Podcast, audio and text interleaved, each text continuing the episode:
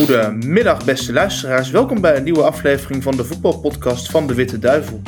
De reguliere competitie in de Jupiler Pro League zit erop.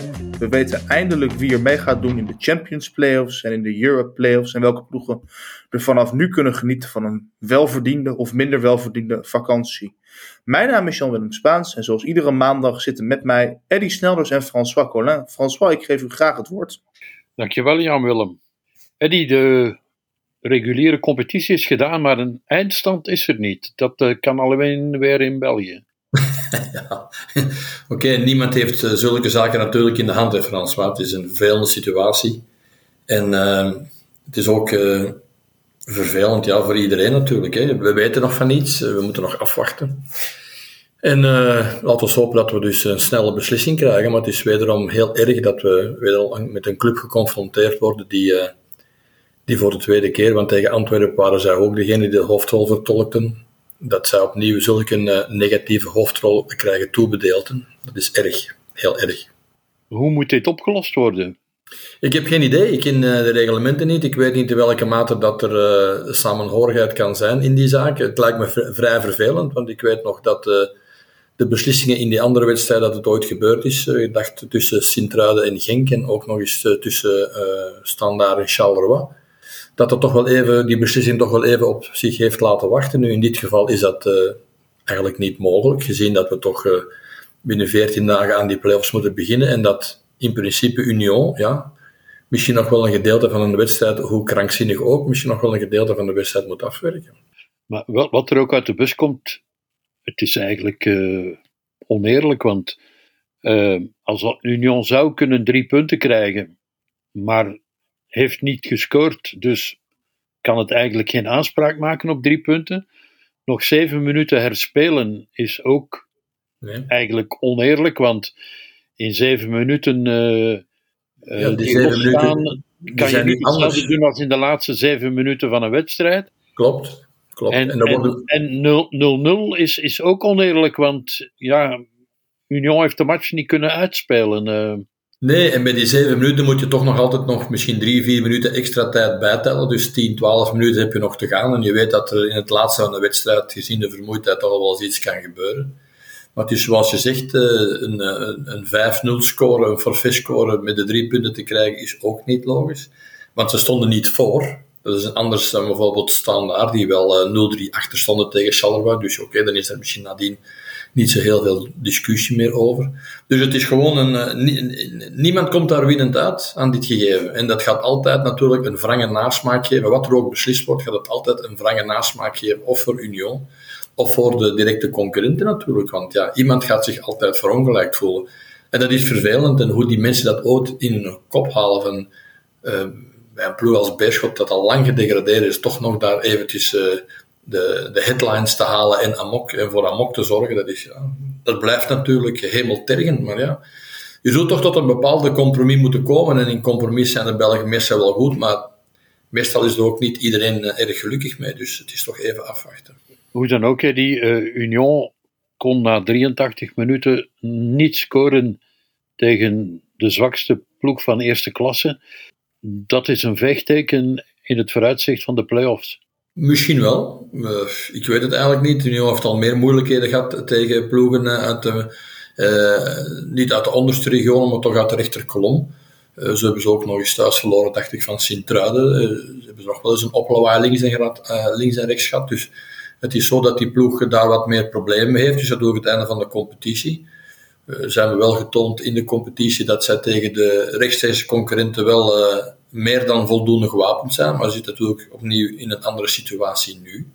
Maar toch blijf ik erin geloven dat de Union wel genoeg kwaliteiten heeft om nog altijd te blijven challengen. Al wordt natuurlijk de mogelijkheid om vlot kampioen te spelen met de week uiteraard eh, meer en meer gehypothekeerd. Niet alleen door het feit dat zij zelf punten verliezen, maar vooral dat er toch uh, rechtstreeks de concurrenten zijn. En dan spreek ik vooral van Club Brugge, die eigenlijk toch geleidelijk aan op volle toerental beginnen te draaien en die eigenlijk een, een heel goede campagne in 22 hebben gemaakt nog. Hè, want ze zijn moeilijk begonnen, uh, denk ik zelfs tegen Union. Maar nadien hebben ze wel een perfect, uh, een perfect schema op uh, touw gezet. Dus de kloof werd al dichter en dichter. De vormcurve van, van Club Brugge is, is en blijft in stijgende lijn gaan. Dus dan weet je dat de afstand niet zo groot meer is en dat die zeker vast voor Club Brugge overbrugbaar is. Ja.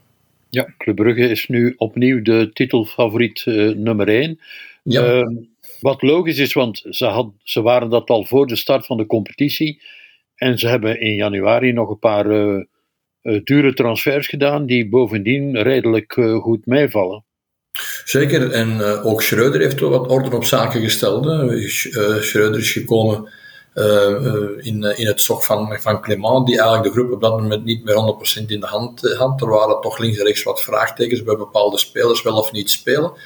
En het eigenaardige is, Schreuder komt en de Hollanders, de drie Hollanders, die uh, zeggen van, oh, dat is goed voor ons. Een Nederlander aan het bewind. En het zijn de drie Hollanders die het meeste problemen hebben gehad. En door het feit dat zij op hun plaats zijn gezet, is ook Brugge, eigenlijk heeft Brugge meer duidelijkheid gekregen in de kleedkamer. En is daar eigenlijk een nieuwe groep ontstaan die het uh, geweldig goed uh, heeft gedaan.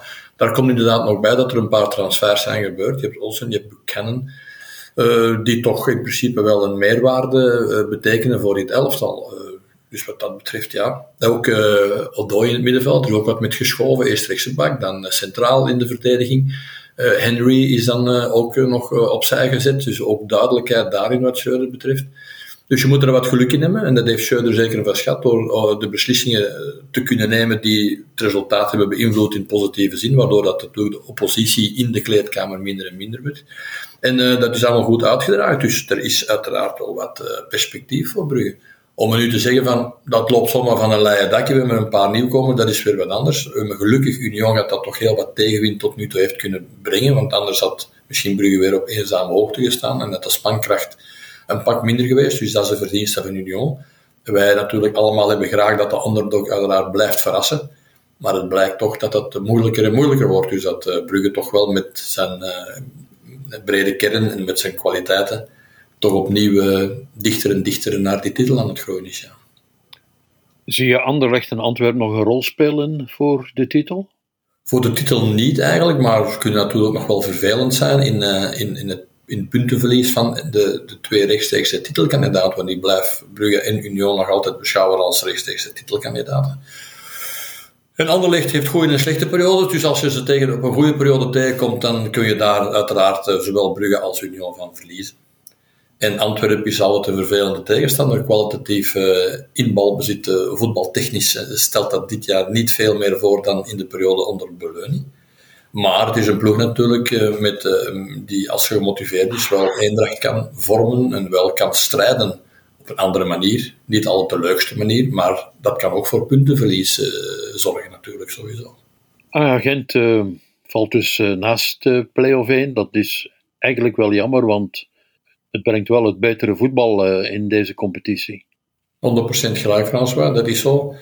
En dan kan je dat natuurlijk geleiden tot één fase in Cercle Brugge, maar eigenlijk moet je dat als je kritisch genoeg bent als agent, eh, supporter of als uh, bestuurslid, moet je durven zeggen dat het eigenlijk uh, agent zich, aan zichzelf ligt, dat ze zichzelf in de voet hebben geschoten. Ze hebben heel veel goede wedstrijden gespeeld, maar on, zo dikwijls onnodig puntenverlies gehad door het feit dat ze gedurende het hele jaar. Nu plaats is het wat gebeterd, want de duel de Poitre uh, uh, Tissoudali is, uh, is efficiënter geworden en is, scherper geworden, maar ze hebben toch in elke wedstrijd enorm veel kansen gecreëerd, wat tot hun eer strekt. Goede voetbal, aanvallende voetbal. Alleen hebben ze dat niet altijd in doelpunten omgezet en dat heeft veel puntenverlies teweeggebracht, waardoor dat ze net de aansluiting in die top 4 missen. En dat is heel spijtig, want als je de kwaliteiten van de ploegen naast elkaar zet, dan heb je Union als verrassing, dan heb je Club Brugge als zekerheid, dan heb je uh, Anderlecht als, uh, als uh, runner-up, die toch een beter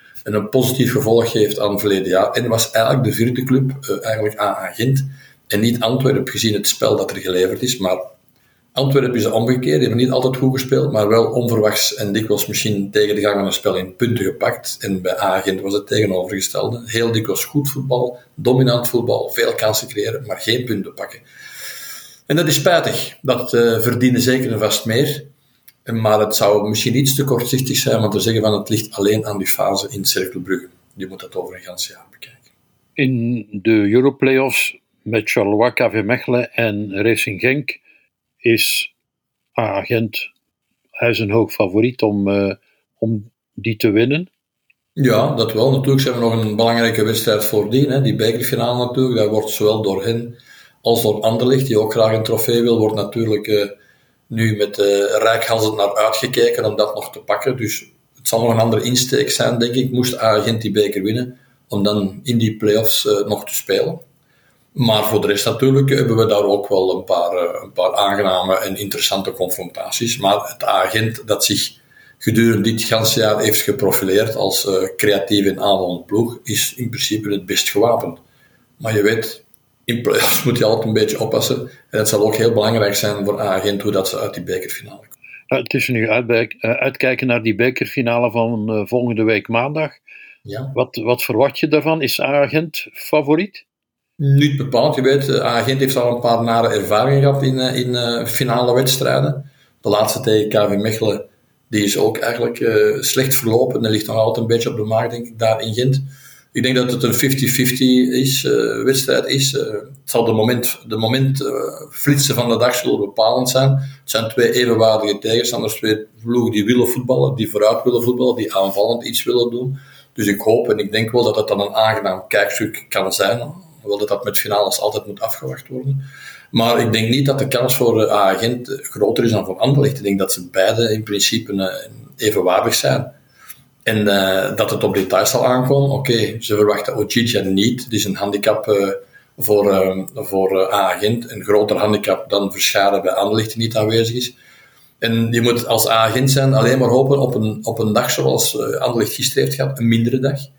Uh, want dan kan je natuurlijk wel uh, meer tegen uitvoeren. Als Anderlicht op zijn best is, dan is het inderdaad een ploeg die, uh, die heel veel mogelijkheden heeft en die bekwaam is om, om in te kloppen. Ja.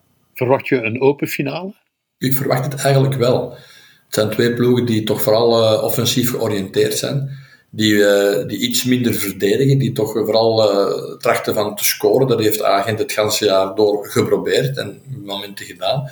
En Anderlecht is ook een ploeg die toch vooral offensief uh, georiënteerd is. Oké, als je met Olsen en met Cullen in het centrum speelt, heb je iets meer defensieve impact. Met Ashimero was dat iets meer offensief. Dus daar kan nog iets meer behoudenheid in zitten. Maar ik heb wel de indruk dat ze alle twee naar voren willen voetballen en alle twee toch, toch willen bijdragen aan een aangenaam kijkstukje. Kan ik je verleiden om op een winnaar te pronosticeren? Ga je weer uh, beginnen, François? Ga je echt beginnen? um, goed, ik, uh, ik hou het bij Anderlicht. Ik uh, tip op Anderlicht, omdat ik denk dat Agent heeft in het verleden al eens een paar keer uitgeschoven. En ik heb de dat soms de stress daar misschien net iets te groot wordt, maar het zou ook een verkeerde keuze kunnen zijn. Ik denk dat het heel dicht bij elkaar ligt. Maar omdat jij me dwingt nu om toch iemand te noemen, zal ik zeggen Anderlicht. Kijk in elk geval naar die wedstrijd uit, Eddy. Dankjewel. Ik ook, François. Bedankt. Dan dank ik graag Eddy en François voor hun expertise. Ik dank u voor het luisteren en uh, we zullen zien of uh, Eddy het bij het rechte eind heeft uh, aanstaande maandag om drie uur op de Heizel. Tot onze volgende aflevering. Tot ziens.